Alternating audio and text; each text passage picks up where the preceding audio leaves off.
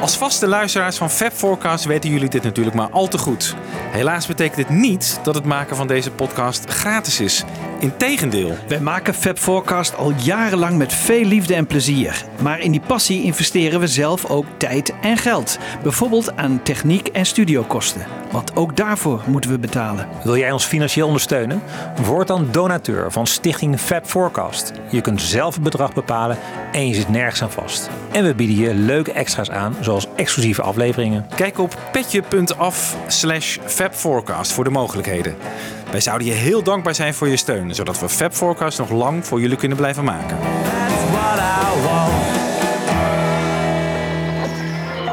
Ladies and gentlemen, The Fab Four. Fab Four. John, Paul, George, Rico. Fab Four. Fab Four. We have for you the Fab Four. Fab Forecast. Dead of Liverpool have got to speak to you. So we, we get ourselves to some minor key and do this kind of a thing. Yeah. E minor, sort of like little fountains.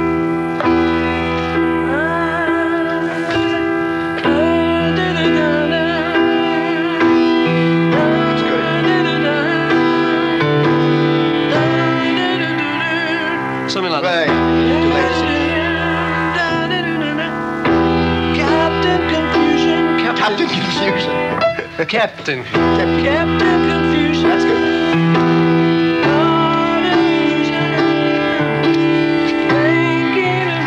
I'm not sure about the chords, Yeah. but something like that. It's kind like- oh, Wait, wait, wait. Stop again. Stop from the beginning. Stop So from the beginning. get Wait, E wait. minor kind of band. Yeah, but you said something good at the. Oh, let me write it down. Captain Confusion.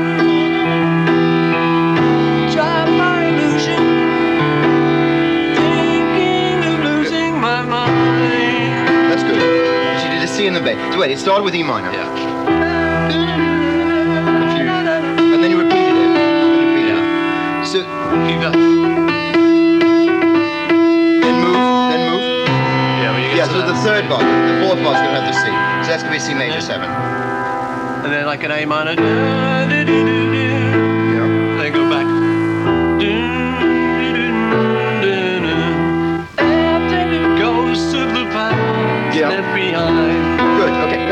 Like ghosts.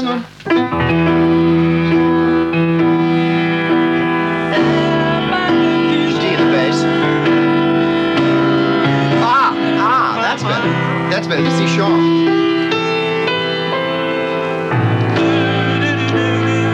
Why did it happen? Ghosts of the past Do, you have to go? Do you have to go back to the E after the after the A minor? No. But something like that.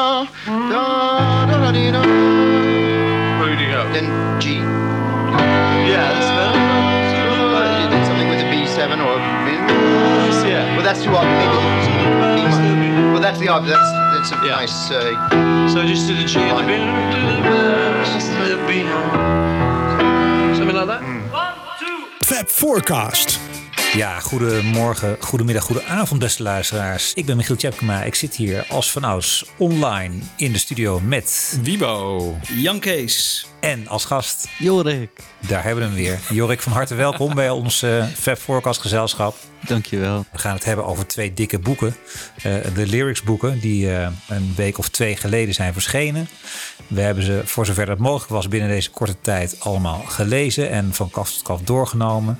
Maar eerst maar eens even dit, eh, Jan Kees. Hier kwam jij mee. Wat was dit voor bijzonder fragment? Volgens mij hoorde ik Carl Davis en Paul eh, aan het Ja, woord. de oratorio uit, dat, uit die do- documentaire. En het is één van de heel weinige momenten dat we McCartney horen componeren en ook de tekst horen verzinnen ter plekke.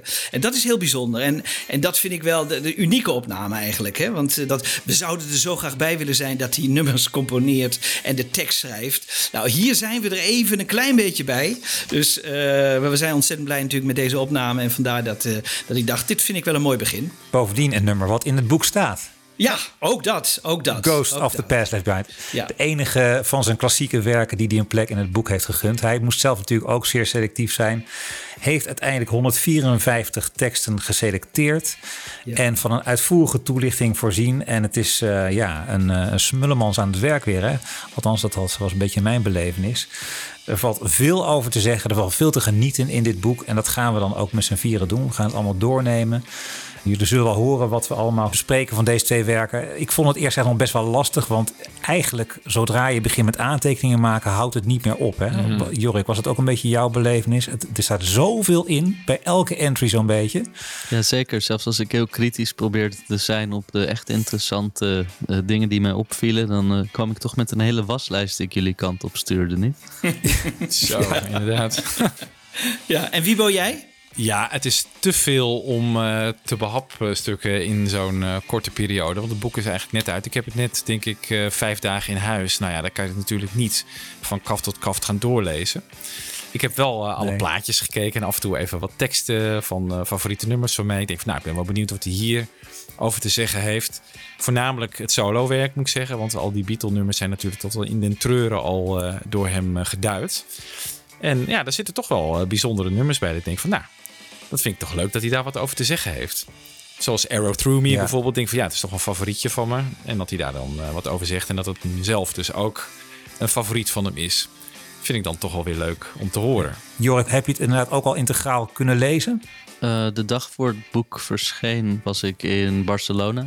En ik had het boek al besteld, dus ik wist dat het de dag erna op de deurmat zou liggen. Maar toch heb ik in Barcelona al even een rondje gemaakt door de stad eh, langs wat Engelstalige boekwinkels. ik dacht, ja, mocht het boek nou ergens liggen, dan vind ik het toch al wel heel leuk voor die ene dag om hem alvast in mijn bezit te hebben. Maar ik heb hem gelukkig voor mijn bankrekening nergens kunnen vinden. Nee. Ik moet zeggen, je zei net, hij is eh, nu een paar weken uit, twee weken geloof ik. Het voelt al als langer. Ja. Ja.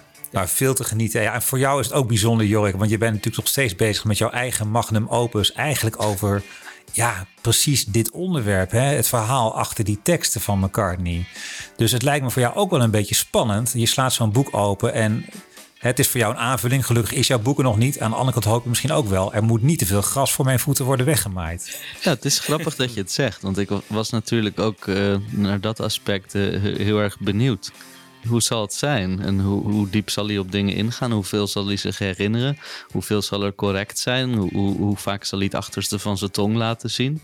Dus dat- dat was voor mij ook wel een, een hele grote vraag. En ook wat zou ik er zelf nog uit kunnen halen aan aanvulling? Ja, nou sowieso ook de nodige fouten. Dat is ook weer een opluchting. We kunnen weer trappen op wat, eh, wat chronologiefouten. De nodige chronologiefoutjes. Eh, daar zullen we het vast ook nog over hebben.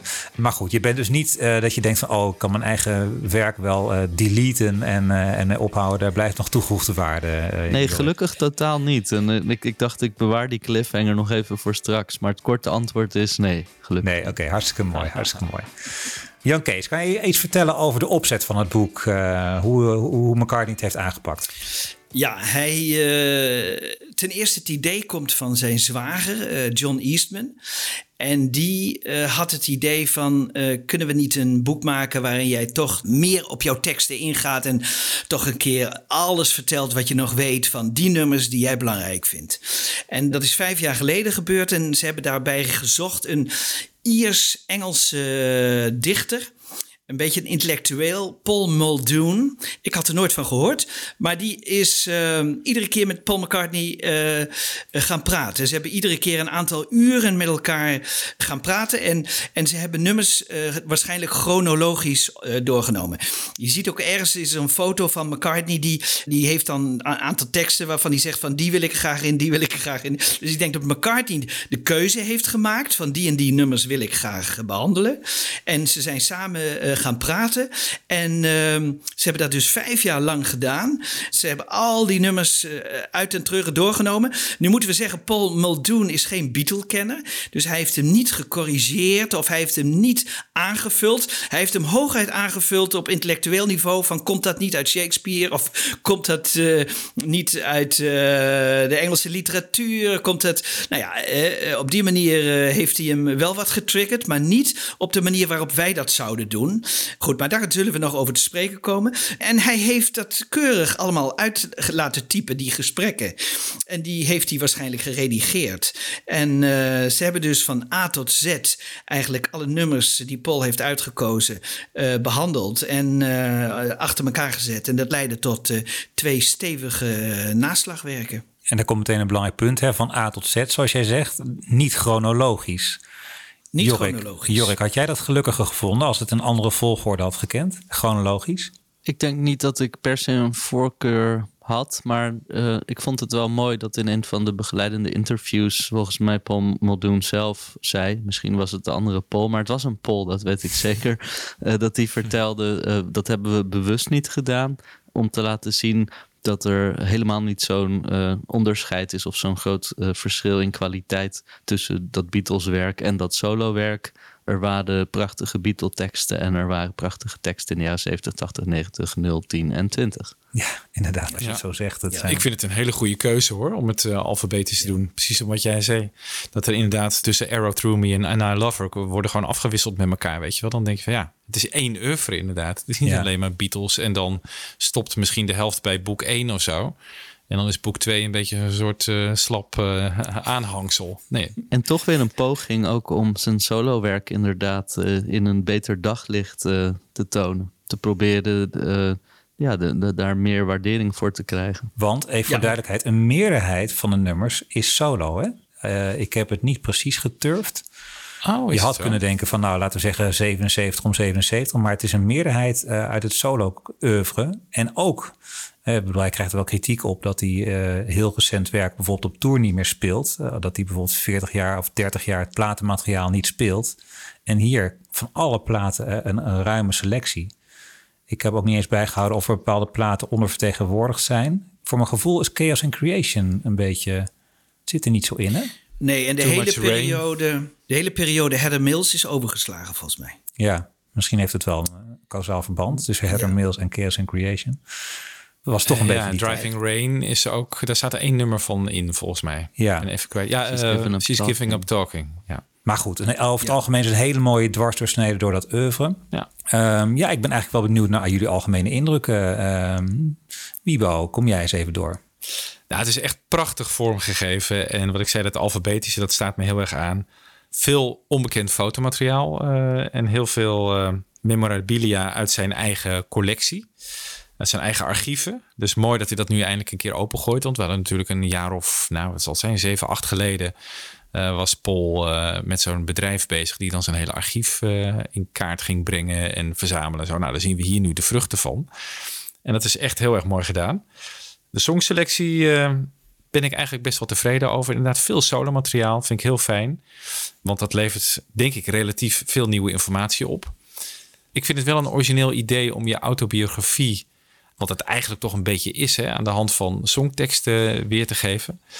Maar ergens vind ik het ook een beetje onzinnig, omdat. ehm, ik vind dat het de melodie is die ertoe doet in een liedje. Hè? En de klank van de woorden in combinatie met de muziek.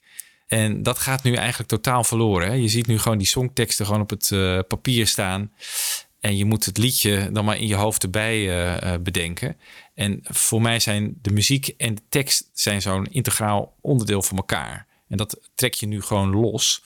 En ik vind bij McCartney toch, hij kan prima teksten schrijven op muziek. Maar er zijn tekstschrijvers wiens teksten beter zonder muziek werken dan die van McCartney, vind ik. Ehm, als je zijn teksten zo ziet, dan denk je van ja, oké, dat, hmm, hmm. dat vind ik nou niet echt. Hij pretendeert een beetje alsof het ook gedichten zijn. En dat vind ik een beetje pretentieus hieraan. eh. Maar goed, Ja. eh, het blijft ook voor ons zo dat voor ons blijven die, die verhalen toch het meest. Je schiet Ja. meteen naar die verhalen door. Ja. maar dat ken je. En nu het verhaal. Benieuwd wat erin staat. Ik, Ja. ik kijk helemaal niet naar die songtekst als ik het boek doorlees. Dan gaat meteen inderdaad naar wat, wat, wat zegt hij over het nummer. En niet over... eh, Oké, maar daar ben ik wel wat- even benieuwd. Wat Is een mooi gedicht is dat ook? eigenlijk. Is dat voor jou ook, Jorik? Ja, ik heb niet veel naar de teksten gekeken. Hier en daar. Voor kleine dingen die me dan zo opvielen. Je hebt bijvoorbeeld eh, in, in Country Dreamer... Would you like to do it to me? En eh, daar heeft hij in de tekst hiervan gemaakt... Would you like to do it to, comma, May? Als een, een naam, als de maand mei, maar ook een vrouwnaam. En vervolgens zien we dan op de pagina ernaast zien we het originele manuscript waar wel staat me, eh, wat dan een, eigenlijk een seksuelere lading heeft. En daar heeft hij het dan wel voor in de tekst, maar dan zegt hij van nee, ik, zing over me. En dus dat soort dingen vallen me dan wel op. Of in Pipes of Peace, dan heb je I light a candle to our love. In love our problems disappear. En ik heb altijd gedacht dat die song In Love All Problems Disappear. Wat ik mooier vond dan die herhaling van Our. I light a candle to our love. In love our problems disappear. En ik vond eigenlijk altijd mooier. Dat het was I light a candle to our love. In love all problems disappear. Wat volgens mij ook eh, ja, is zoals die quote waarop dat liedje gebaseerd is. Van in love eh, all li- life's contradictions dissolve and disappear. Zoals dat op de hoes van Pipes of Peace staat. Oké, dus misschien soms toch weer geconfronteerd worden met die tekst als hij zelf daar een eh, soort nadere duiding van geeft.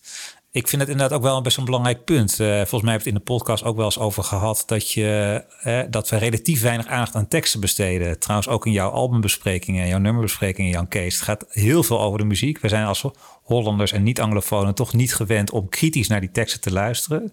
In Anglofonen podcast valt mij altijd op dat dat wel gebeurt. En men heel kritisch kan zijn over, weet ik veel, Golden Earth Girl met eh, eggshells. Dat is die woordspeling Excelsies en Eggshelsies. Dat vindt men een rijmelarij. Maar ik denk van ja, god, dit prachtig liedje. Het was me nooit opgevallen, weet je wel. Dus eigenlijk zou je verwachten met zo'n boek... dat wij ook eens een keer nader die teksten induiken. Maar dat gebeurt dus eigenlijk maar half bij jullie. Als ik, bij mij ook niet, moet ik zeggen hoor. Misschien... Nou, en één Ja. leuk dingetje over Golden Earth Girl. Ik was van de zomer in Engeland en één dag ben ik toen naar Peace Marsh eh, gereden. En eh, terwijl ik daar eh, bij Waterfall Estate was, in die omgeving en daar een beetje wandelde en zo, en ik zag dat huis. Toen zag ik op de kaart dat je daar eh, een klein riviertje hebt wat daar langs zijn eh, land stroomt. En dat heet Actual Brook. Toen dacht ik, hé, hey, dat is eigenlijk wel grappig. Het zou, het zou zomaar kunnen dat het in zijn Trouwens, dat, on- dat even dat onderbewustzijn komt nog wel vaak terug in het boek. Ja. viel mij op. Het zou best kunnen zijn dat ik in mijn onderbewustzijn Shakespeare en zijn Let It Be eh, heb onthouden. en bij Eleanor. Rigby komt ook weer terug. Ja. En alles gaat over John achteraf. Put it there. Ja, Ja. ik denk dat het over de Beatles gaat. Zeg maar, dat huis, eh, Jorik, dat heet Waterfall. Ja. Dan zou je denken, daar zit een combinatie met waterfalls. Hè? Maar dat noemt hij totaal niet. Het, het wordt nooit, die connectie wordt nooit gelegd. Dat verbaast Ik denk mij. dat hij dat, dat dan toch privé wil houden. Ook al woont hij er niet meer, want eh de afgelopen jaar verschenen er foto's van zo'n eh, urban rotting site de- waar ze naar binnen gingen in dat huis. Ik ben niet naar binnen gegaan. Ik heb wel op een eh, boomstam gestaan waarbij je over de schutting kon kijken. En dan zag je dat ronde huisje en zo. Dat was leuk om een keer te zien. Ik denk dat Jorik gelijk heeft dat hij heel veel dingen nog privé wil houden. Dat merk je heel duidelijk. Hè? Er zijn mensen die hij beslist niet wil noemen, in al zijn teksten niet. Hè, dus eh, Danny Lane komt totaal niet voor. Heather Mills komt eh, totaal niet voor.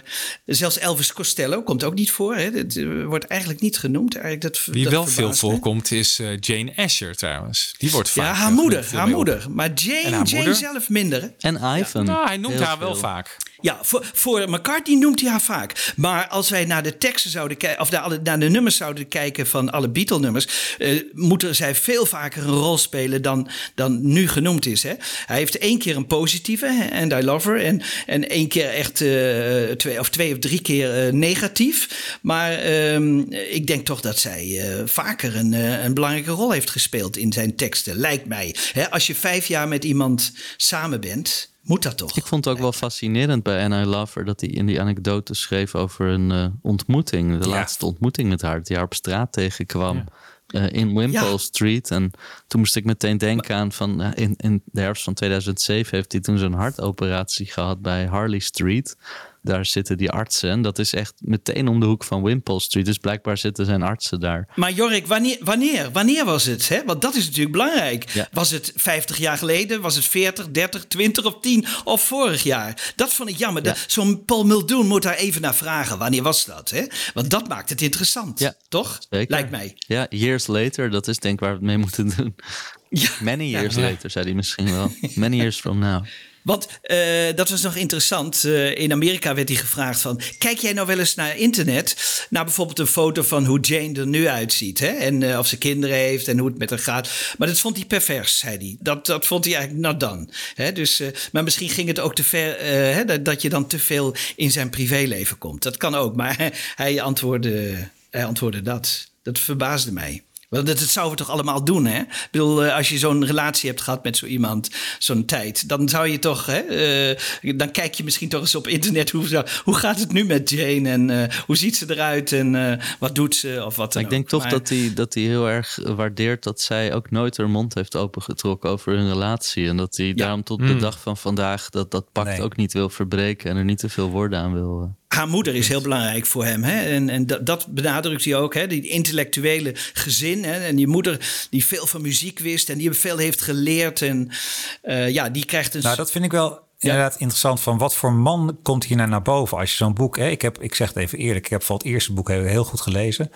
Wat voor man komt hier nou naar voren? Is het inderdaad een beetje opa verteld? Hè? Die gewoon terugblikt op zijn jeugd en allerlei herinneringen ophaalt. En ik krijg wel een beetje zo, zeg maar, die kant van McCartney die ja, eh, zijn document allemaal goed bewaart, die een enorm arbeidsethos heeft, die houdt een family man is, eh, die graag terugblikt op zijn eh grote familiebanden, zijn grote Schotse familie, dat hij terugging naar Liverpool als enige van de Beatles, een hele trouwe, warme family man of zo, komt bij mij naar boven geen grote wilde verhalen. Natuurlijk weten we dat ook wel een beetje, maar het valt wel des te meer op, vind ik, als je zo'n boek leest van, ja, wat voor persoon komt er nou eigenlijk naar boven? Ja.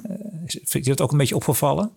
Ja, vooral eh, Michiel. eh, hij, is een jongen uit een arbeidersfamilie, maar eigenlijk is hij niet van de straat. Hè? Dus eh, hij heeft wel enorm veel intellectuele kunstenaars, eh, muzici, eh, noem maar op. Die heeft hij allemaal ontmoet en gelezen. Van Shakespeare tot en met nu en Chaucer en noem maar op. En die heeft hij allemaal gelezen, heeft hij allemaal verwerkt in die nummers, op, bewust Ja. en onbewust. Dat komt er wel op, bij mij nu heel erg naar voren. Wat hij vroeger veel minder had, maar wat hij in dit boek eh, heel sterk heeft. Je moet het niet te licht eh, beschouwen. Zelfs I Saw Her Standing There is gebaseerd op Shakespeare. Dus dat, Dickens, ja. of Dickens. Hè? Ja. De- en en dat, allemaal. Dus dat, dat verbaasde mij echt eh, in dit boek. En ik, misschien is dat ook wel de, de, de invloed van Paul Muldoon geweest. Maar ik heb ook het idee dat hij een soort rehabilitatie wil wel van... Ja, het is niet allemaal, het zijn niet allemaal gewone liedjes die we schreven. Nee, er zat echt wel wat een diepere betekenis en een tweede laag en soms een derde laag onder. Want Jan Kees, wat, wat was jouw eerste indruk van het boek? Mijn eerste indruk was, dit is geschreven met een doel. Hè? Dus dit, dit is niet zomaar, eh, hij heeft niet gedacht van oké, die en die nummers wil ik eh, doen. Maar hij heeft duidelijk een doel gehad. Ik heb het idee, er zitten nummers in, waarom zitten ze erin? Hè? Eh, Cook of the House, ik noem maar wat. Maar dan wil hij gewoon Linda laten zien van, oh die kon ook een tekst schrijven. Hè? Terwijl het niks met hem te maken had. Hè? Waarom zit Please Please Me erin of Hard Day's Night? Dat is weer om John eh, te eren. Eh, hij heeft, overal heeft hij een bedoeling mee. Ik heb het idee, er is niks toevallig. En eh, hij heeft wel een doel gehad met dit hele boek. En over elk nummer is nagedacht en, en ze zitten er niet voor niks in. En, maar af en toe denken wij, ja, hè, want hij wilde bijvoorbeeld de film Give My Regards to Broad Street, wilde die rehabiliteren. Hij wil voor de Amerikaanse markt laten zeggen van Mull of was hier in Engeland een enorme hit. eh, de grootste eh, sinds de Beatles. En, maar bij jullie heeft hij niks gedaan. Hè? Ebony and Ivory is hij zoveel voor bekritiseerd. Wil hij gewoon een soort rehabilitatie. Maxwell Silver Hammer. Eh, de- al dat soort nummers, dat doet hij allemaal niet voor niks. Opla da. Hè, want dan weet hij dat hij in het verleden veel kritiek heeft gehad. Maar hij probeert dat nu nog één keer en voor altijd recht te zetten. Hè, jongens, van dit zijn ook nummers. En er is wel kritiek op geweest. Maar het is toch logisch dat ik met Maxwell zo lang was bezig. Want die Moog synthesizer, synthesizer, die kostte ook veel werk. En daarom duurde het zo lang. Dus hij heeft overal wel een... En, en als er soms kritiek is op een nummer dan zegt hij altijd erbij van... maar er waren ook mensen die het heel leuk vonden. Hè? Eh, Ja. Waterfalls, hè? De, nou nee, dat, daar had ik misschien ook wel echte violen bij willen hebben. Maar ik kwam laatst iemand tegen die zei... nee, dat is juist geweldig, dat vinden wij juist leuk. Hè? Bebop eh, eh, vind ik een vreselijk nummer. Maar laatst hoorde ik een regisseur zeggen... nee, dat was fantastisch, dat is mijn favoriete nummer. Hè? Dus- Trevor dus- Horn haalt hij er altijd bij. Ja, Trevor Horn had hij er altijd bij. En, en Neil Kinnock, een van de parlementariër, die komt op een gegeven moment ook, ook voorbij inderdaad. Als, ik Ja. ga even opzoeken welke dat is hoor. Dat vind ik te leuk om even nu Ja, en bij Waterfalls is het trouwens zo dat, eh, dat er ook een eh orkestraal instrument gemaakt is. Want in de McCartney 2 Archive Collection was de score te zien daarvan. Dus we weten Ja, dat het dus die hadden we dan graag gehoord, hè? Zo. Die hadden we dan graag Ja. gehoord, eh, Jorik. En het zit trouwens inderdaad ook in dat, eh, eh, precies het nummer wat we net gehoord hebben, Ghost of the Past Left Behind. Daar krijg je natuurlijk de kritiek op. eh, het oratorio komt weer voorbij. Maar I got a letter from Neil Kinnock, the leader of the Labour Party at the time. Don't worry, Paul. They always say that. They're bound to say it's no good. But it's damn good and I love it. Hij heeft altijd iemand gevonden. Zou dit ook niet een soort het volgende stap zijn in zijn rehabilitatieproject dat al sinds many years from now is gestart? Hè? Dat hij ook wel de interessante Beatle was en niet alleen John. Eh, ik vind het hier ook wel weer eh, een, een beetje mee. We hadden natuurlijk ook nog Blackbird Singing hebben we gehad. Dat boek met eh, zogenaamde songtekstgedichten erin. Dat was ook wel zo'n soort poging waarbij hij ook samenwerkte met een dichter. Dat was volgens mij toen Adrian Mitchell. Als ik me niet vergis, nu eh, doet hij een intellectueel als Paul Muldoon erbij. Die hem dan toch een soort credibility moet geven of zo. Het is een soort kruistocht, heb ik het idee, tegen alle critici eh, van McCartney. Van kijk jongens, ik Ja. doe er wel degelijk toe. Ook met mijn teksten. Ja. Gaat hij jongens nou niet af en toe iets te ver? Hè? Dus dat hij zegt, eh, ja, eh, ik heb John op het spoor gezet van, eh, van de Hmm. peace and love en de anti-war. Eh, want in 1964 hè, had ik al een bespreking met een intellectueel en die zei mij, hè, dus eh, dat soort dingen. Of, ehm, John die had niet zoveel met literatuur. ja. Niet zoveel als ik. Nou, maar ik- ja. ongelooflijk, ongelooflijk. Hè? Ik vind het best wel inderdaad schokkend hoor, om zo'n zin te lezen. De eerste zin van een van de entry inderdaad, John had niet zoveel met literatuur. Een man die zich niet meer kan verdedigen. Zijn vrouw, eh, zijn weduwe, die gaat, gaat het ook niet meer verdedigen. Dat soort zinnen, daar had wat mij betreft wel een redacteur even kunnen zeggen van jongens, kan het wat minder. Had jij dat ook, Jorik? Ja, ja, ik bedoel, John stond volgens mij toch best wel bekend als een fervent lezer. Als er een Beatle was met literaire aspiraties. eh, En, en iemand die zelfs in een eh, gekte, de Beatlemania-gekte, boeken uitbracht en publiceerde. En al lang daarvoor, dan was dat John.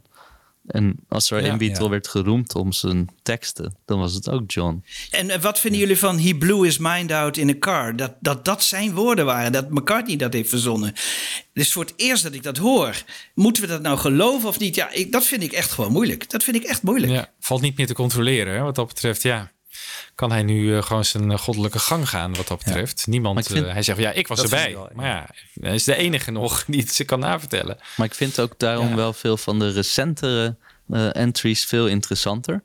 Omdat eigenlijk over zijn solowerk van de laatste pak een beet eh, twintig jaar...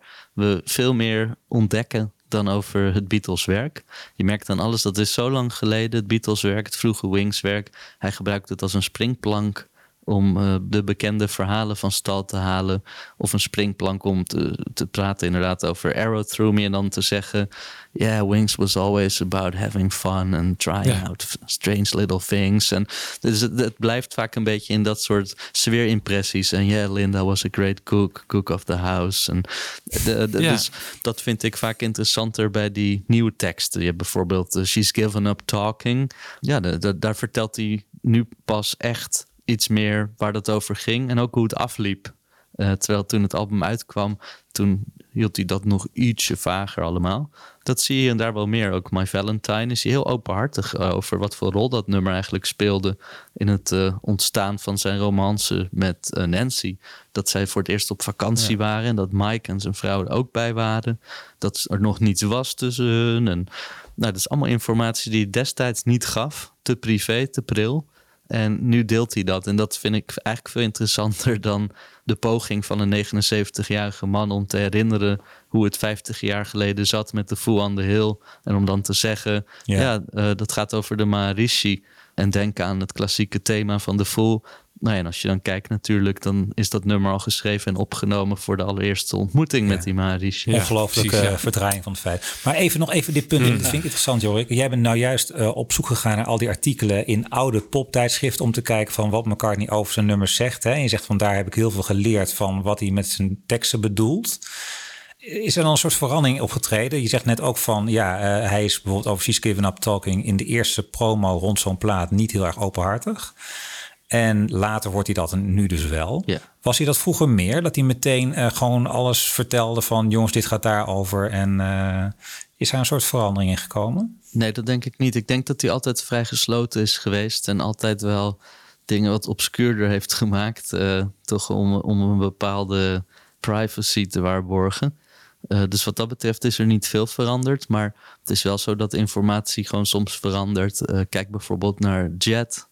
Ja, de laatste jaren zegt hij consequent overal dat het een pony was. Dat deed hij ook volgens mij al bij de McCartney Years. En dat is echt al iets van de laatste 20, 30 jaar. Maar in alle interviews in 1973 vertelt hij dat ze een, een kleine zwarte Labrador puppy hadden. en eh, daar heeft hij een heel uitgebreid verhaal over. En dan vertelt hij van ja, we hadden, we hadden er zeven en nou ja, enzovoort. Dus ja, dan weet je gewoon dat klopt niet. Alleen het gek is dan in zo'n boek als dit. Dan verdedigt hij dat zo fel van ja, a sweet little Mary had a small pony. En, en her, her name was Jet. Dat je echt denkt, ja, dat kun je gewoon dan bijna niet ontkennen als buitenstaander eh, zo- zoals wij. Maar ja, de, de feiten die ja, weerleggen het gewoon. Ja.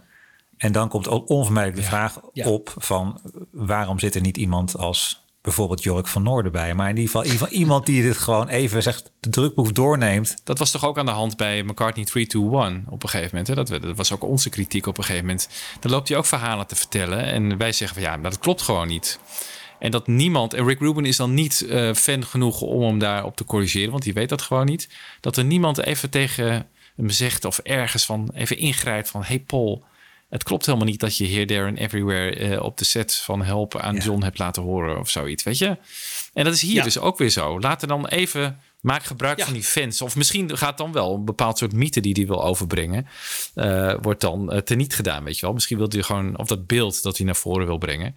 Ja, misschien wil hij dat wel een beetje zijn versie houden om het toch eh, mooier naar buiten te brengen dan het eh, eigenlijk eh Mm. Ik, ik ooit is betwijfel dat hoor, of het echt is dat hij een, een, een mythe hoog wil houden. Ik, ik denk dat er veel meer mee te maken heeft dat we hier een 79-jarige man hebben die al eh, sinds eh, die hij volwassen is, eh, wereldberoemd is. Ik denk niet dat hij eh, wil dat er mensen zijn herinneringen weerleggen of, of toetsen of hem tegenspreken daarin. Ik denk niet dat hij dat- wil. Ook zoals hij zingt in Early Days van eh, ik was daar, ik heb het meegemaakt, dit zijn mijn herinneringen, dit is hoe ik het herinner. En, en jullie waren daar niet, waar bemoei je mee? Ik ik denk veel meer dat, dat het zo'n gevoel eigenlijk is dan dat hij echt zo'n agenda heeft van een bepaalde mythe in stand houden. Maar Jan Kees zegt net van hij heeft het met een doel geschreven en dus ook met een agenda. Herken jij dat wel, eh, wat Jan Kees zegt? Dus eh, hij heeft inderdaad toch wel weer die agenda van de hippe Beatle die hij opnieuw bevestigd wil zien op papier. Herken jij dat wel, Jorik? Ja, ik denk het wel. Is het wel zo dat ik in het begeleidende schrijven of in de inleiding of in een van de interviewstukken las dat de songselectie door Paul Muldoon is gedaan en dat hij telkens het aan McCartney eh, voorlegde. Maar als we echter kijken naar de lijst van songs, dan betwijfel ik dat ook eigenlijk wel.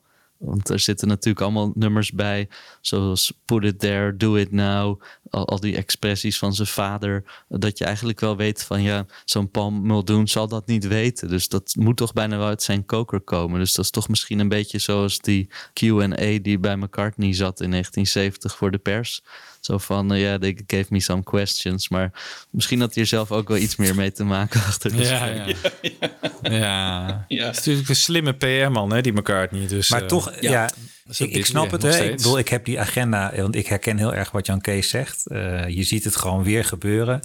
Bertrand Russell, 1964 inderdaad. Hè, alsof McCartney nu opeens bekend zal worden als een vredesbeatle. Ik bedoel, dat kan natuurlijk geen, eh, totaal niet op tegen de bed in uiteindelijk. Dus ik ben daar niet zo eh, enorm van overtuigd dat dat beeld gaat kantelen door, door één passage bij een of ander liedje.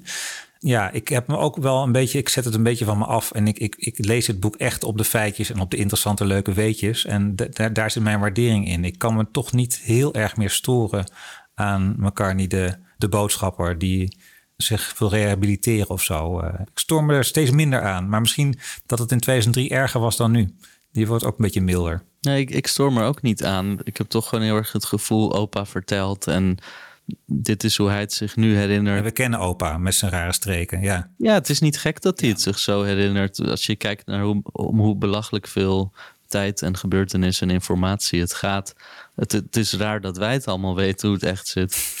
Maar eh, Michiel, jij kijkt dus naar de feiten, maar dan zie je toch ook dat er heel veel fouten in staan. Ja, ja, maar ik zie dus ook heel veel eh, leuke dingen van, waarvan ik denk van potverdorie, zo heb ik nooit naar die tekst gekeken. En je krijgt nummers die je eh, al jaren kent en heel veel hebt gedraaid. Die krijgen een nieuwe, een nieuwe betekenis voor je. En dat vind ik het bijzondere toch van dit project. En er is een redactie overheen gegaan, hè?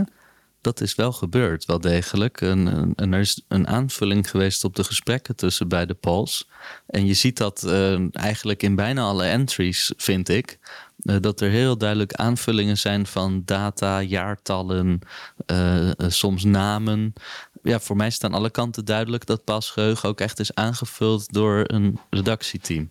Maar bijvoorbeeld de Ballad of John en Yoko, dat plaatst hij helemaal verkeerd. Ik bedoel, dat had toch even iemand eh, kunnen... Hè? Dat plaatst hij na het uiteengaan van de Beatles of zo. Dus dat is echt heel gek. Ik bedoel, dat, daar kan, moet iemand dan toch even iets van zeggen. Hè? Of, eh, eh, ja, ik was er zoveel jaar bij Jane en dan blijkt het helemaal niet te kloppen. Hè? Dus dat, dat soort gewone feitjes die, kun, die je kunt checken.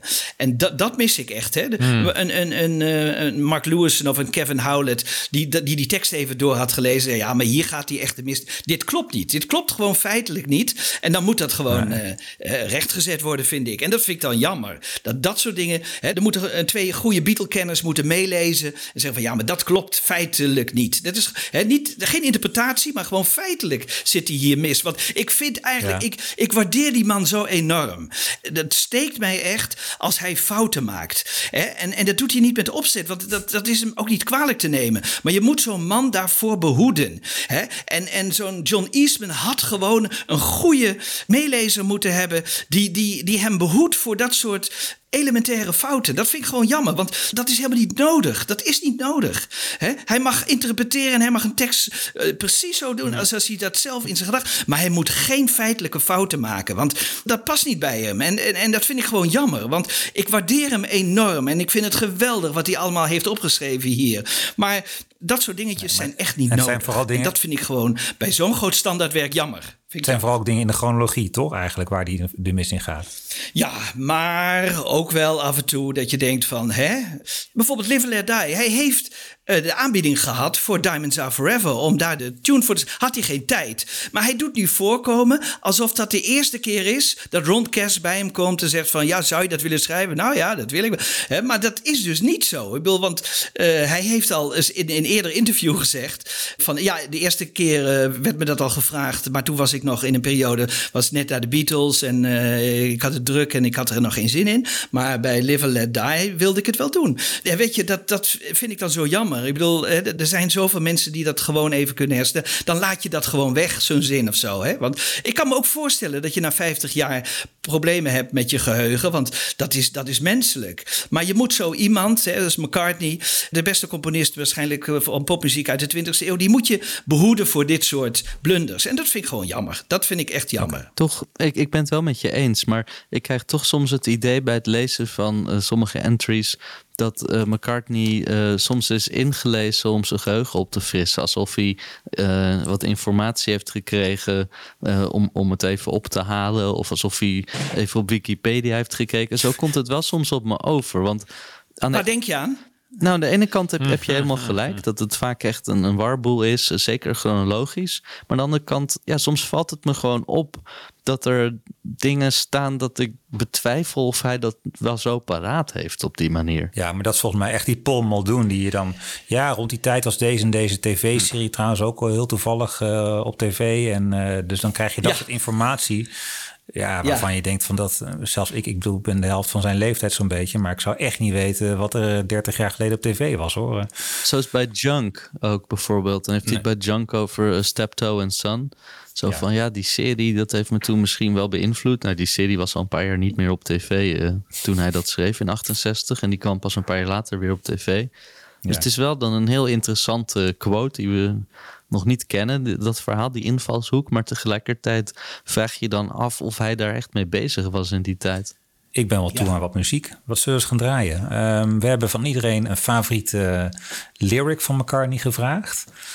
Wiebo, jij misschien eens even. Wat was jouw keuze? Van wat is nou jouw, jouw top lyric van McCartney? Als je, die in dit boek staat, hè? Top lyric van McCartney. nou, de top lyric is Eleanor Rigby, maar dat vond ik wat eh, afgezaagd. Ehm, ik had de opdracht een beetje anders begrepen, Michiel. Eh, meer dat je een favoriet nummer van McCartney ehm, eh, hebt. Gewoon puur hè? muziek en teksten bij elkaar. Gewoon het nummer zelf. Ja, dat mag ook. En dan eens kijken wat hij daarover in het boek zegt.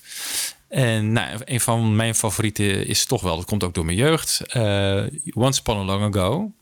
Uit 87, eh, de single. En stond natuurlijk op eh, All the Best.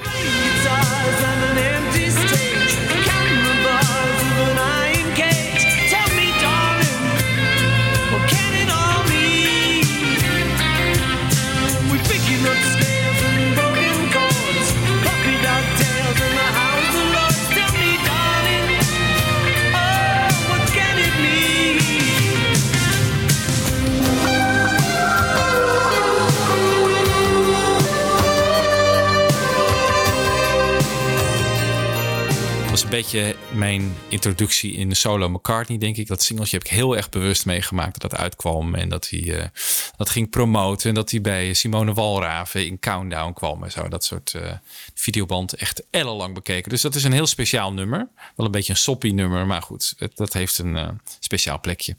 Nou, ik vond het mooi dat hij dat in het boek heeft neergezet. Misschien ook wel om de Amerikanen te laten zien hè, van dit, dit was toch wel een goed nummer. Want het is daar nooit uitgebracht.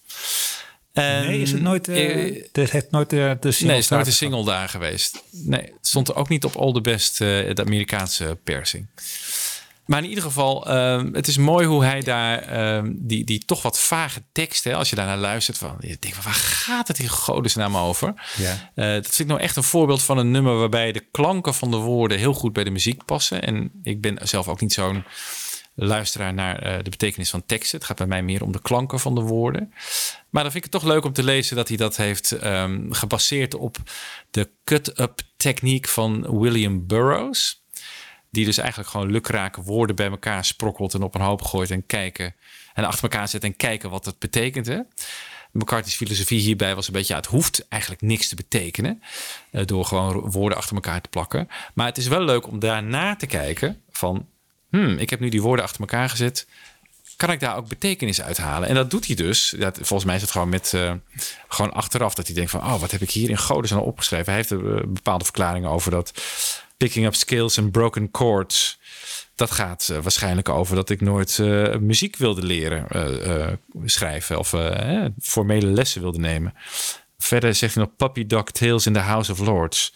Ja, dat was het idee van eh, dat er een stel kleine kinderen daar in het House of Lords eh, zitten. En dat hij dat na de hand allemaal loopt te verklaren wat hij eigenlijk qua random woorden bij elkaar eh, heeft eh, gegooid. Vond ik een interessante analyse van, eh, van de meester zelf.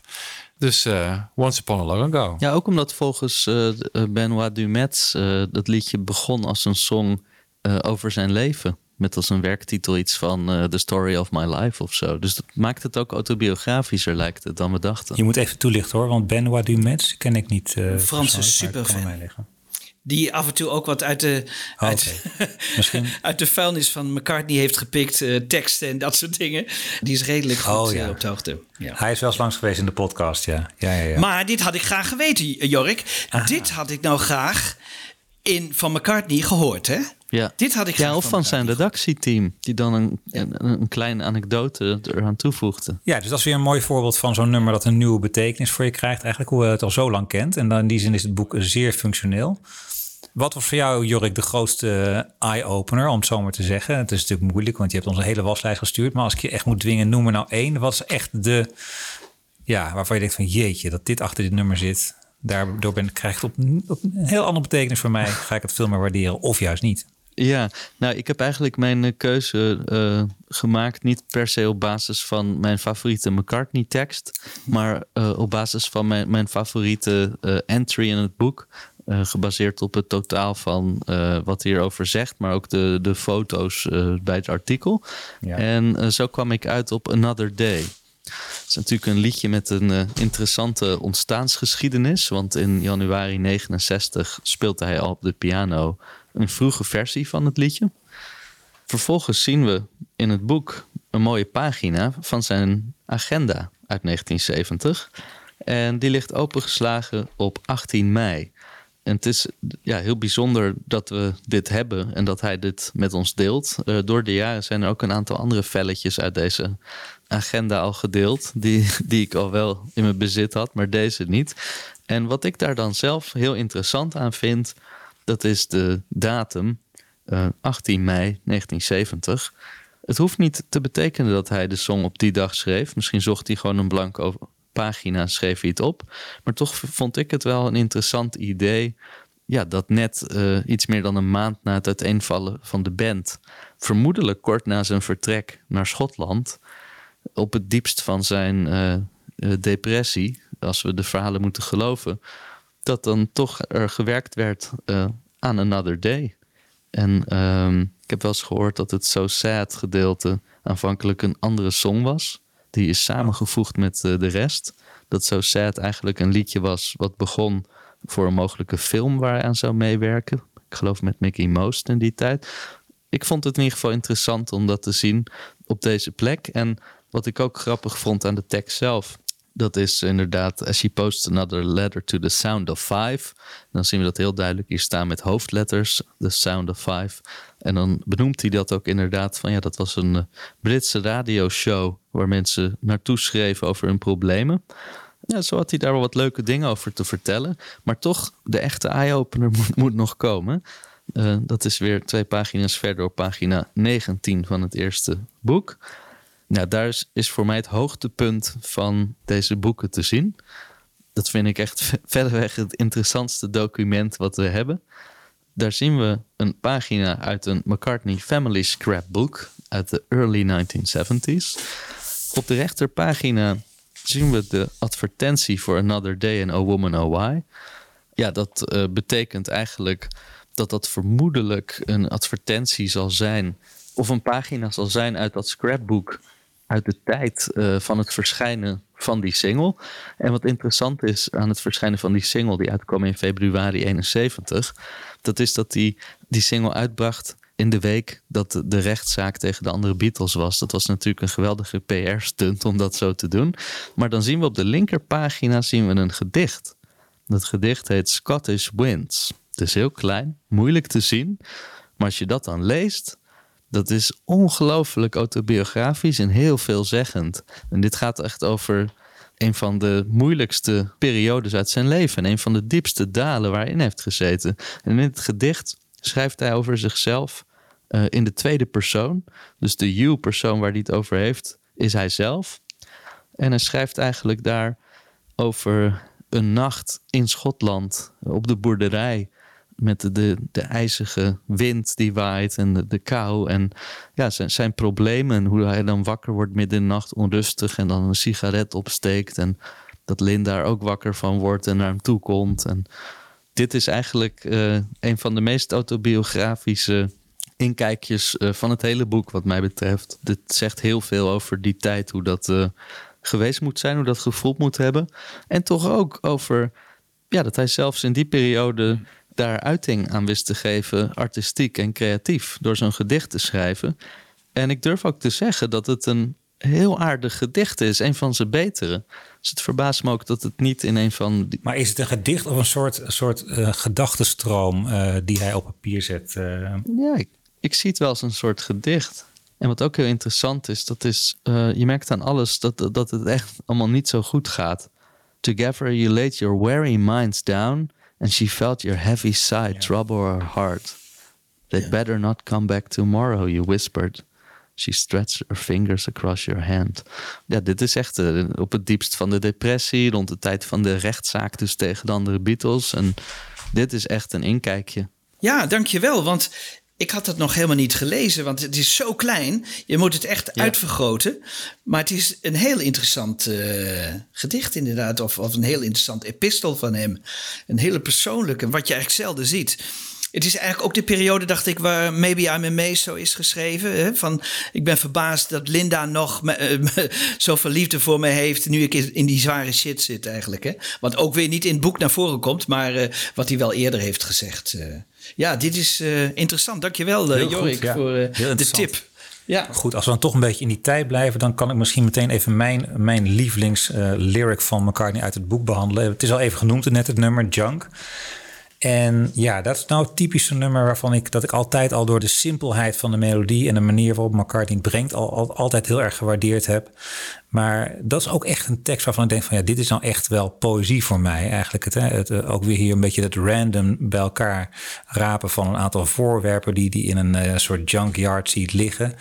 Eh, motorcars, handlebars. Dat moest ik ook even opzoeken, maar het is eigenlijk gewoon een stuur van een fiets bijvoorbeeld, een handlebar.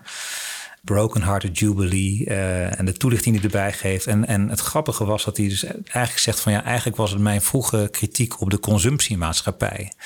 Nou, zo lees je zo'n tekst natuurlijk totaal niet als je het hoort als, eh, als knul van denk ik, een jaar of twaalf. Toen ik het voor het eerst nummer, hoorde dit nummer.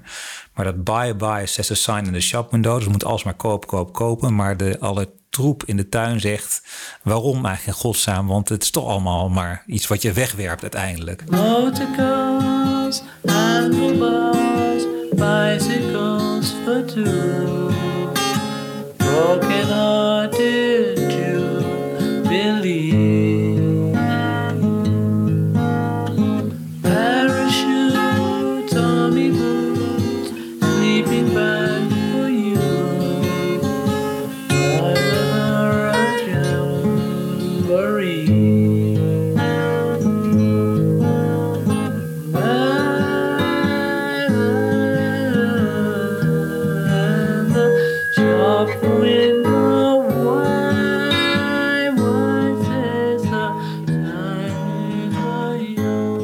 Dat is echt weer zo'n moment dat je denkt van jeetje, wat, wat komt het hier allemaal mooi samen zeg. Het is zo doeltreffend in zijn eenvoud. En dat vind ik, soms vind ik zijn teksten een beetje gewild gemaakt, ingewikkeld en eh, te veel boodschappen. Met name zijn protestliedjes, daar ben ik nooit zo kapot van. Maar dit, voor mij is het echt pure poëzie. Dit, eh, ja, hier komt wat mij betreft de, de poëet McCartney komt het komt hij dichtst bij die kant van, eh, van zijn artisticiteit, om zo maar te zeggen. Ja. Hele mooie tekst. En Jan Kees? Ik had eigenlijk gehoopt dat eh, Riding to Vanity Fair, hè, dat dat Ah. erin zat. Omdat Ja, dat een hele mysterieuze tekst is. En dan had hij eindelijk eens kunnen verklaren wat dat nou, hè, wat, wie, wie die daarmee bedoelde en hoe en wat. Maar die laat hij eh, links liggen. Ik, wat ik een interessant lied vind eigenlijk is, waar veel mee gebeurd is, dat is eh, Dear Friend. Dear friend, what's the time? Is this really the borderline?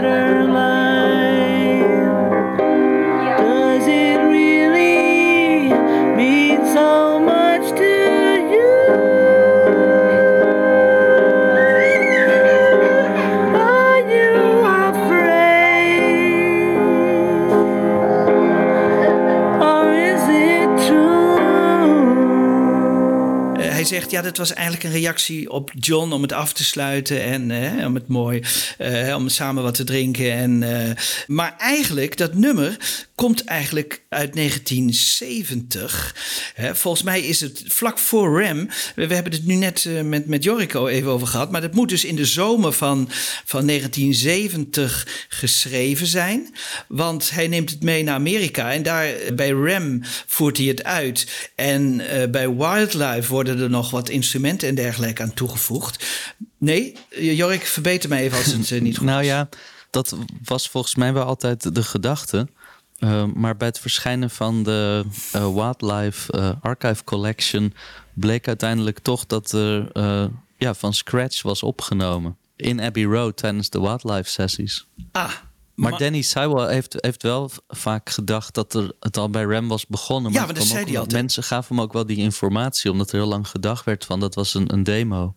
Ah, ja, eens kijken. Maar knip, knip het er gerust uit. Nee, nee, nee, want maar dat, dat maakt het voor mij zo interessant. Want er wordt zo geschoven met het nummer. En wanneer is het nou opgenomen? Is het nou opgenomen na Imagine van John Lennon, hè, waarin die, die dus die kritiek krijgt? Hè, van is dit ook werkelijk het song? Want dat zou ik graag willen weten. Van wanneer is het nou geschreven? En uh, uiteindelijk dus bij Wildlife uh, echt uitgevoerd. Maar uh, is het ook echt een reactie op John Lennon geweest? Want daar ben ik dan benieuwd naar. Hè? Bij zo'n nummer omdat eh, het, heeft me altijd in verwarring gebracht. Goh, het is dus dan geschreven in, in de zomer van, van 70, maar dat kan dus ook weer later geweest zijn. Want we hebben dus wel een aantal demo's daarvan. En dan hoor je wat kinderen spelen, maar je kunt het eigenlijk niet eh, eh, op de achtergrond, maar je kunt het niet echt plaatsen. Dus vandaar dat ik dat een heel boeiend nummer vond. En, en misschien klopt het wel dat het dus uiteindelijk toch een reactie is geweest op, op Imagine. Maar ik, vind het een mooi nummer. Hij is misschien iets te lang, maar hij is wel prachtig. En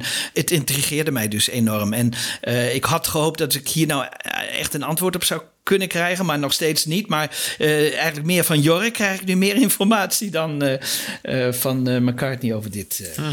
Was het jullie trouwens opgevallen, jongens, dat helemaal aan het begin van het boek, bij allemaal informatie staat er wie de uitgever is, wanneer de eerste druk was, dat soort dingen, dat daar op een gegeven moment staat: This book is set in Rigby, a typeface created expressly for this book.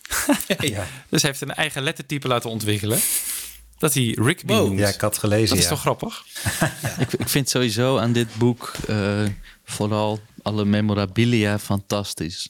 Ja. De archieven inderdaad, eh, zoals mij zei jij dat al, Jan Kees, hebben de archieven eh, zo opengesteld. En ja, dat laat inderdaad zien dat het een en ander al best wel georganiseerd is. En het geeft me ook de stille hoop dat er misschien op een dag gebeurt wat er is gebeurd met het Dylan-archief in Tulsa. Of het Lou Reed-archief in de New York Library. Dat er ooit eh, toegang komt. Ja. Ja. Er zitten een miljoen eh, items in, hè?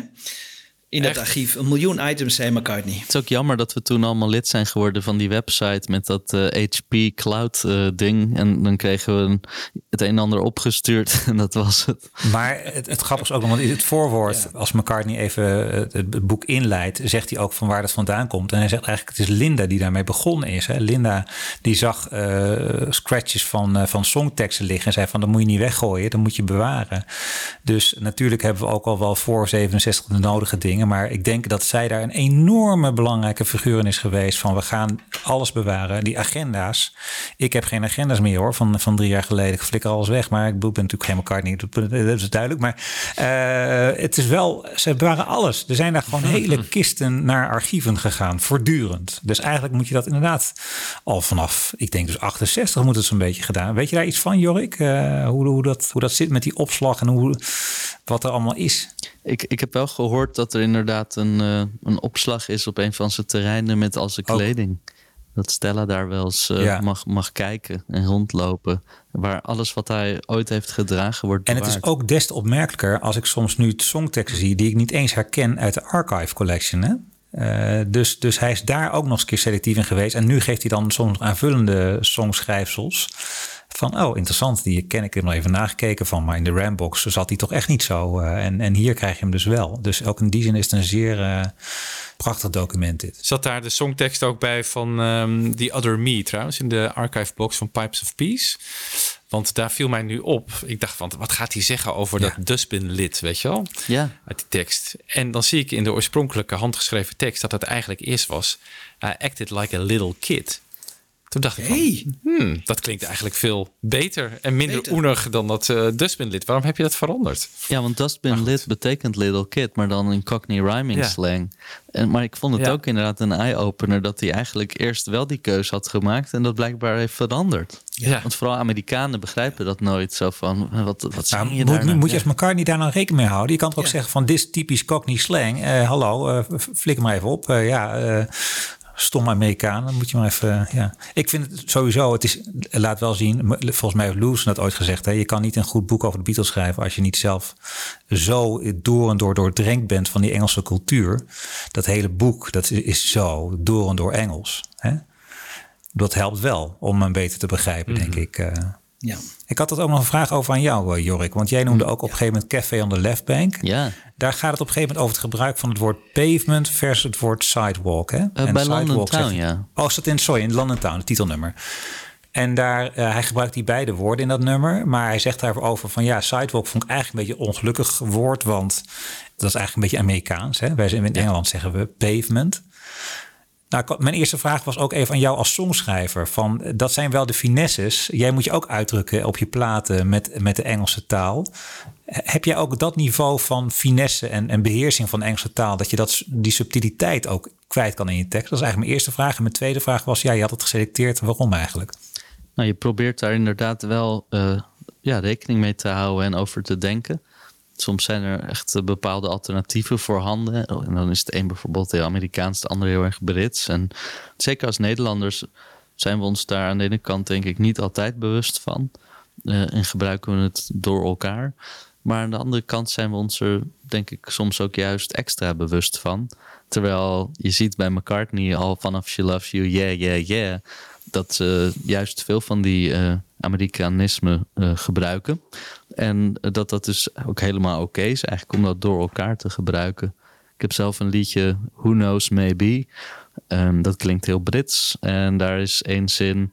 When he saves the looming plane from a certain disaster, he will claim. En dat klonk beter als disaster. Maar veel mensen hadden ook gezegd van... Oh, tijdens maken van... Oh, moet je daar niet disaster zingen? Oh ja. Maar eh, ik vond disaster mooier Hmm. klinken. Dus toen koos ik dat. En nou ja, je ziet ook hier van... McCartney maakt dat soort keuzes ook, ook al is hij een Engelsman. Dus ik vond het leuk om te zien. Of vind ik eigenlijk Sidewalk eh veel minder logisch... in zo'n liedje van een Londenaar over Londen. Dan zou je toch eigenlijk Pavement verwachten. Wat ook Ja. Mooi klinkt. Maar goed, ik denk dat hij voor Sidewalk is gegaan... omdat hij later in het nummer Pavement gebruikt... van Crawling on the Pavement. Ja, Dus dat, dan ja. is dat als songschrijver... eh, kan dat dan een reden zijn om dan dat andere toch weer aan te passen. Zo zou ik dat dan ook wel doen. Ik vond het wel leuk dat hij een paar van dat soort textuele inzichten gaf hier. Hij, hij refereerde bij een tooth aan cocaïne snuiven. Dat vond, vond ik wel eh, verrassend eigenlijk. Omdat het liedje juist... eh, in het liedje klinkt dat stuk kinderlijk naïef. En letterlijk betekent tooth ook eh, a short, sharp sound made by a horn, trumpet or similar instrument. En als ik me goed herinner, hoor je volgens mij ook een fluit meespelen op dat moment. Dus eh, is Maar wij kennen het natuurlijk als Beatle-fans van A Toot en A Snore in 74. Dus Ja, ja, ja. toot, toot. Dat dat zomaar op iets anders kan slaan, dat is ook niet zo heel raar. eh. Ja, maar ja, volgens alle, alle betrokkenen was Paul niet echt een, een kooksnuiver in de 70s, eh, ook toen het heel hip was. Maar zelfs als hij het wel was, denk ik dat Nee. achteraf het niet klopt om, om dat zo te stellen.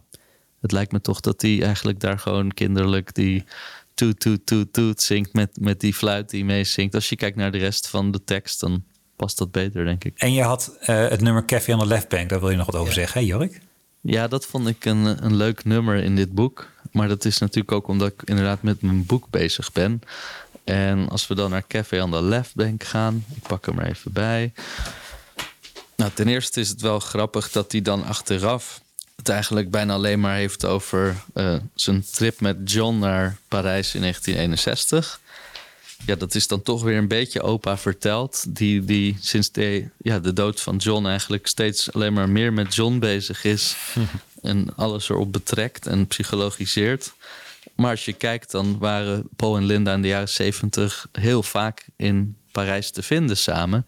Kwamen ze daar echt heel graag. Hadden ze altijd een vast hotel. Ze waren daar bijvoorbeeld ook met die, sessies hè, na, na het opnemen van Band on the Run. Voor die liedjes voor Linda. En ja, zo, zo bleven ze er wel vaker. In 76 waren ze ook rond het verschijnen van eh, Wings at the Speed of Sound, ook met de kinderen weer. Dus eh, en in interviews heeft hij het er dan ook wel over. Dat, dat, ja, zij hielden van Parijs, dat vonden ze een romantische stad. Nou ja, al die clichés. Dus ik denk helemaal niet dat het iets te maken heeft met eh, die reis met John. Dat is gewoon een opa die terugdenkt aan zijn leven. En die associatie heeft. Maar wat ik erg leuk vond hieraan dat is dat we een songtekst zien van het nummer. En dat is geschreven op, een, eh, op briefpapier van een hotel Bakua in Martinique. Dat vind ik dan meteen heel interessant. eh, Ja, Frans. natuurlijk, omdat eh, ik dan aan de ene kant denk... hé, hey, Martinique, dat is grappig hè, inderdaad. Met de Franse connectie, met zo'n liedje. Het heeft misschien iets te maken dan met het denken aan Frankrijk en aan Parijs... met zo'n songtekst. En anderzijds ga ik dan meteen denken... wanneer was hij in Martinique? Wanneer heeft hij dat nummer geschreven? Dus nou, toen ben ik gaan zoeken en dan zijn er inderdaad wat eh, bekende persfoto's die je wel eens gepubliceerd zag in de 70s van Paul en Linda op vakantie. En die zijn dan geschoten in, ik geloof, april 1976 tijdens een vakantie in Martinique. Nou ja, en ik vind het dan heel leuk met het onderzoek voor mijn boek dat dit dan helpt om Hmm. te dateren wanneer dat nummer vermoedelijk geschreven is.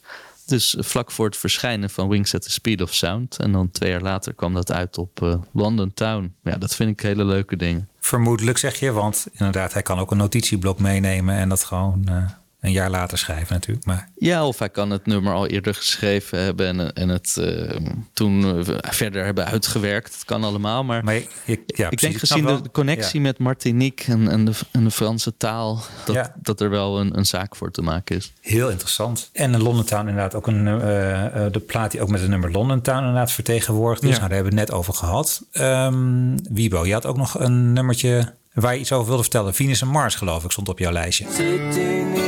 Stand of the sports arena, waiting for the show to begin. Red lights, green lights, strawberry wine. A good friend of mine follows the stars. Venus and Mars are alright tonight. Ja, Venus en Mars Rock Show eh, stond inderdaad op mijn lijstje. Ehm, ja, de gedroomde concertopener natuurlijk hè, van de 76 Tour. Echt fantastisch. En eigenlijk pist Paul een beetje over Rock Show heen. En dat vind ik toch wel een beetje vervelend, moet ik zeggen. Want hij zegt... Venus en Mars vindt hij prima. Vindt hij is een mooie, mooie tekst. Echt als een eh, concertopener met, met opzet geschreven. Maar daarna zegt hij dus... I'm less keen on the rest of the song when it seeks into rock show. I sort of get out of it quickly these days and seek into another song like Jet. The guys in Wings at that time always wanted to do rock show, but I was a bit reluctant. Axis, Silly Willy, Jimmy Page. I'm a little bit embarrassed by this song. But I also met people who love this song, so I kind of learned to shut up about it. Dat had hij eigenlijk moeten doen. Voor mij in ieder geval. En to- toen moest ik ook meteen denken aan het concert in Ahoy in 2012, was dat volgens mij. Waarbij die dus weer eens opende, net als in 76, met Venus en Mars, Rockshow en Jet. En ik echt van, yes, te gek. Maar dat was een hele korte versie van Rockshow. Ik dacht, what the fuck doet hij nou? Ik wil het hele nummer horen, maar hij deed er dus een, een korte versie van. En nu snap ik waarom hij dat deed. Want hier zegt hij het dus letterlijk. Dat eh, I sort of get out of it quickly these days. Omdat hij gewoon zich schaamt voor de tekst van het nummer. Nou ja, goed. Ja. En waar zit die schaamte dan in? Ja, nou wat ik net zei, in die, in die woorden zoals eh, Axis en Silly Willy en Jimmy Page. Het is allemaal een beetje Ja. van die ja, spierballen. Beetje stoere rockpraat ja, eigenlijk. Hè? Ja, en daar kan hij zich dus niet in vinden. In Q zei hij in mei 2015 tegen Mark Blake eh, dat ze toen, er was, dat nummer aan het eh, repeteren waren met de band. Dat McCartney toen eh, zei van ja, terwijl we dat aan het repeteren waren en ik dacht over die te- tekst over Axis, Stax en Jimmy Page. I found myself thinking, this is shit. Hmm. Dat zei hij toen in 2015 te- tegen die Q-medewerker. Dus toen ook al kritisch. Dus Bipop is wel goed, alleen Rockshow, dat kan hem niet meer eh, bekoren. Nou ja, dat vind ik toch eh, jammer. Nog even over Venus en Mars. Want ehm, ik heb eens bij Edward Eikelenboom... die had ergens een tekst daarboven gehaald. Een eerdere versie van Venus en Mars. En die sloeg helemaal op John en Yoko. Hè? Venus en Mars, zijn vrienden van mij... die gaan af op de sterren. En dat waren dus John en Yoko. Dat had ik nou zo graag gewild dat hij dat hier had verteld. Hè? Dat, hij gewoon, dat dat zijn inspiratie was voor, die, voor dat begin van Venus en Mars. En dat hij daar een hele LP naar heeft genoemd. Dat mis ik echt. Dat mis ik echt. Want eh dat is dus een eerste versie geweest van Venus en Mars. Die helemaal op John en Yoko sloegen. Dus Ja. dat, dat, dat hij dat niet aanhaalt. Ja, er, was inderdaad een. eh, vol- volgens dezelfde Franse verzamelaar Ben. Ja, eh, ja. was er een manuscript voor eh, Venus en Mars. Waarbij het ging eh, eh, van Yoko en John are all right tonight. Dat Ja. ging over die eh, ontmoeting in 74. Waarbij ze de documenten zouden tekenen in een hotel in New York. Waar volgens mij ook die beelden van zijn uit de Living in the Material World docu. Dat je George en Paul ziet. En John kwam daar niet opdagen. En het schijnt dat Paul daar toen eh, dit liedje heeft gezongen over die vage reden met Listen to This Balloon en de astrology en zo. De reden waarom hij niet kwam opdagen. En inderdaad, dat is heel interessant. Maar of hij wil het niet delen of hij weet het niet meer. Ik kan me niet voorstellen dat hij dat niet meer weet. Maar goed, het kan, het kan. Maar dat, wat jij nu vertelt, Jorik, dat zou toch geweldig zijn als hij dat hier in dit boek had zou hebben verteld. Ik bedoel, hè, de- en, en al geef maar een ander even een link. eh, dus die zegt van, oké Paul, maar dit gaat toch ook over Johnny Joko? Oh ja, misschien komt hij dan wel weer op die gedachte, weet je. Maar de, ja, Paul Muldoon weet daar natuurlijk helemaal niks van. Dus dan zou je iemand moeten hebben die een beetje kennis heeft op, op het gebied van, eh, van McCartney. Maar dan kom je toch tot veel meer, veel interessantere, nog meer interessante dingen. Weet Maar toch, als je dat doet, eh, soms dan ontkent hij het ook glashard. Ja, Want hij, waar, werd natuurlijk ook vaak geïnterviewd over Let Him In laatste jaren, ook voor de Archive Collection. En dan werd hij herinnerd van, eh, ja, je hebt gezegd eh, dat dit liedje voor Ringo is geschreven. Zegt hij, nee, nee, nee. Nee, dat is niet waar. Geloof niet alles wat je op internet leest. Terwijl in al die interviews in 76, dan zegt hij Ja. dat wel degelijk. En je ziet ook op de tekst wel in de ar- diezelfde archive collection waar je niet ontkracht, zie je op hetzelfde velletje Pure Gold en Let In staan. Dus het was Ja. duidelijk dat hij aan het werk was voor Ringo. Wat ik ook interessant vond, hè, bij Helter Skelter, is hij dus zelf op onderzoek uitgegaan. Want hij heeft zelf een anekdote verzonnen. Hè, dat ehm Pete Townsend zou gezegd hebben: de, het ruwste en het wilste nummer wat eh Hoe ooit heeft opgenomen, eh, hebben we nu uitgebracht. En dat hij daarna eh Helter Skelter heeft. Nou, dat blijkt dus helemaal niet zo te zijn. Want alle Beatle-kenners die zijn al achter die.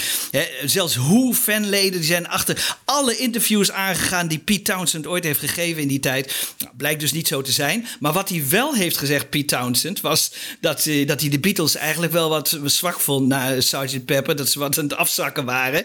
En dat heeft hem getriggerd. Dat heeft hem, denk ik, gedacht van... nou oké, nu zal ik jou eens laten horen dat we nog echt een rockgroep zijn. En dat we dat nog kunnen. Maar hij is dus gaan geloven in zijn eigen eh, mythe. Heeft dat nagevraagd bij Pete Townsend. Pete Townsend zegt, nee, heb ik nooit gezegd. Hè? Dus, en eh, dat is wel heel grappig. En dat herhaalt hij dus hier ook weer in. Ik wil nog even over één ding hebben, jongens, voordat we gaan afronden. Ehm, namelijk de bekende foto op pagina 279. Daar moeten we het ook even over hebben. Sowieso vraag ik me af van wat zou van dit boek overblijven als, als we Linda niet zouden Ja. hebben gehad. Wat een kale bedoeling zou het dan zijn geweest. Niet alleen maar door dat, al, al het archiefmateriaal, maar vooral ook de verbluffend mooie foto's die er weer in staan. En dit was eigenlijk een van de eerste dingen die, eh, die werd opgepikt van het boek. De foto eh, die eh, McCartney, althans die een man laat zien in een halflange jas, eh, wat boodschappentasje in zijn hand, die bij een krantenstand een, een krant aan het kopen is, of in ieder geval aan het bekijken is. Genomen door Linda vanuit de passagiersstoel van een auto. Met als onderschrift Leicester Square, Tube Station, Londen, 9 december 1980. En alle foto's van eh, alle posters erbij en aanplakbiljetten van John Lennon Shot Dead. En waarvan dus de suggestie werd gewekt dat McCartney hier een krant koopt. Ja, Ja. op weg of terug van de studio.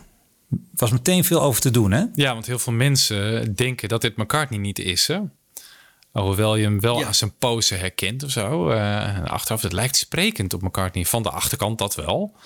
Maar ja, die hebben dan ook weer gekeken van... Hij heeft een interview gegeven toen hij de studio uitkwam voor tv. En die, die kleding hebben ze dan weer vergeleken bij dit. Nou, dan had hij dan weer een andere jas aan dan hier.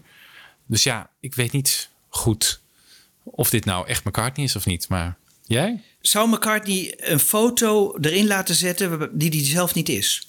Dat was, was voor mij een vrij sterk argument. Ja, om, om te vermoeden dat het hem wel was. Maar uh, Joke, Ja? hoe- wat is jouw blik hierop?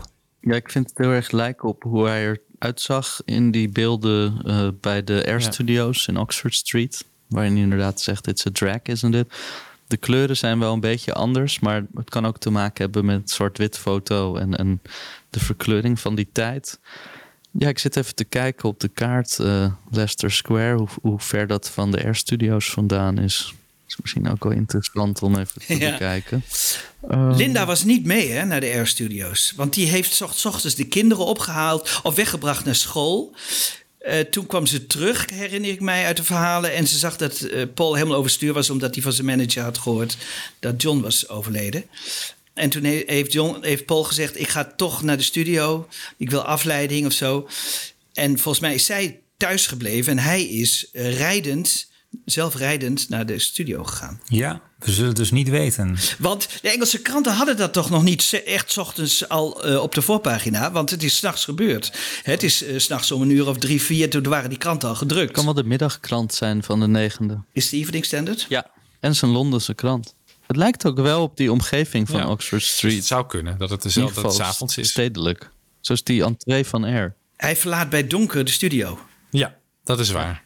Nou, maar dit zou ook donker kunnen zijn onder de verlichting natuurlijk. Maar ja, het lijkt wel overdag. Ja, Ja, ik weet het niet. het lijkt bij mij eerder 's ochtends. Maar goed, dat, eh, ja, het is heel moeilijk te zeggen. Wat ik sowieso vind, jongen, is ik vind de compositie zo prachtig. Hè? Ik bedoel, je doet er nog net die Ja. buitenspiegel van die auto. Ja.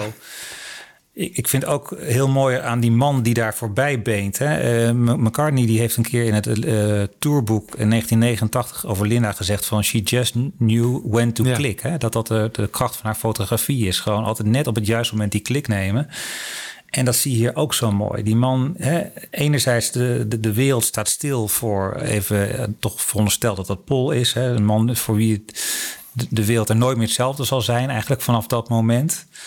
En ook de wereld die gewoon doordraait. Die man die daar doorbeent en eigenlijk niet eens doorheeft wat er in, in zijn zeer nabijheid eh, gebeurt. De kracht van dat moment. En dat Linda dat wel ziet. Ik vind dat zo'n krachtig portret.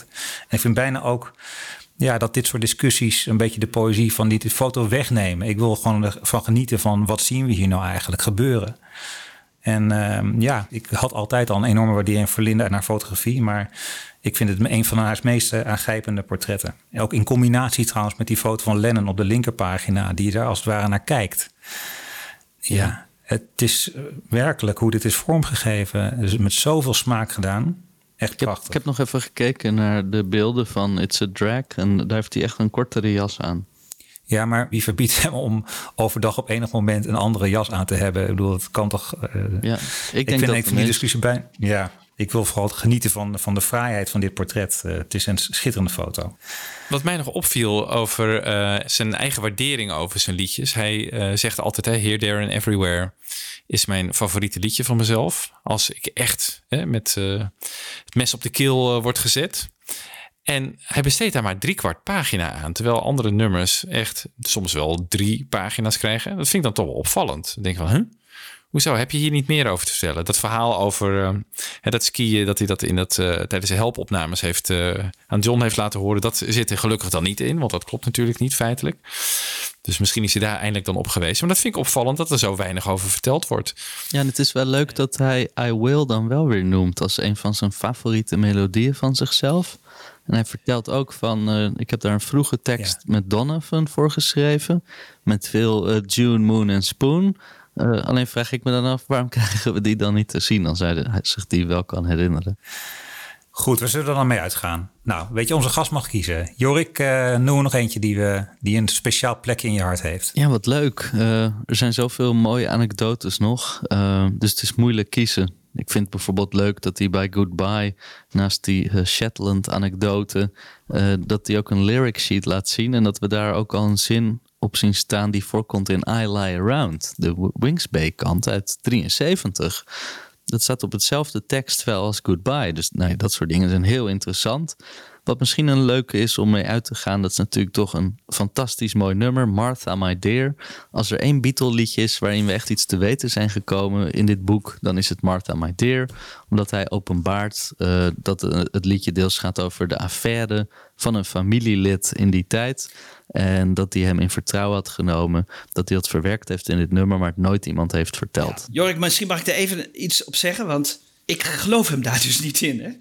Ik denk dat het over hemzelf gaat. Hij ging vreemd. Hij ging met Francie Schwartz in die tijd vreemd. Maar hij wil dat natuurlijk niet zeggen, want dat is te persoonlijk. Ik bedoel, hij gaat niet over vreemd. Hij, hij praat niet over Maggie McGivern of over eh, Peggy Lipton of al die, al die vrouwen die die, hè, waar die langere relaties gedurende Jam heeft gehad. Dus hij, hij brengt dat nu als een familielid uit, uit Liverpool, denk ik hoor. En het gaat over hemzelf.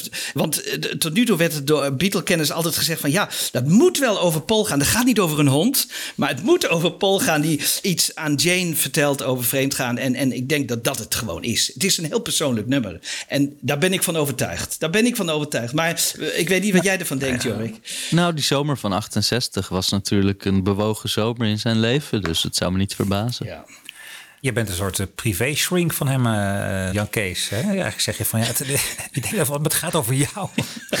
Als ik jou zo hoor praten. Weet je wat, we gaan het gewoon afsluiten. We gaan het nummer draaien, Martha, my dear. Jorik, zeer veel dank voor jouw eh, fijne input en jouw enorme kennis dat je die met ons hebt willen delen. Ja, leuk dat ik weer mocht komen. Altijd gezellig en een eer. En succes met het vervolg van je boek. En eh, tot de volgende keer.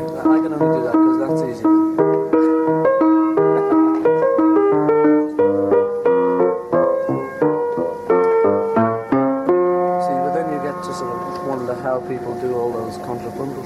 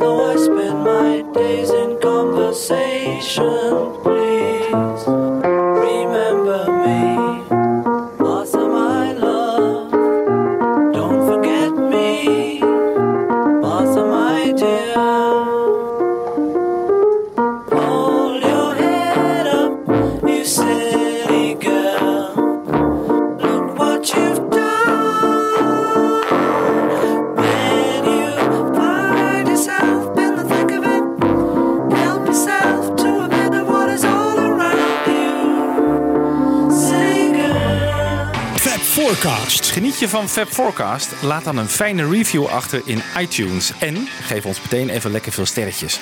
Dat helpt andere luisteraars weer om ons te vinden. Heb je vragen? Mail dan naar fabforecast.gmail.com of kijk op onze pagina's op Facebook en Twitter. En de afleveringen van Fab Forecast zijn ook te beluisteren via beatlesfanclub.nl.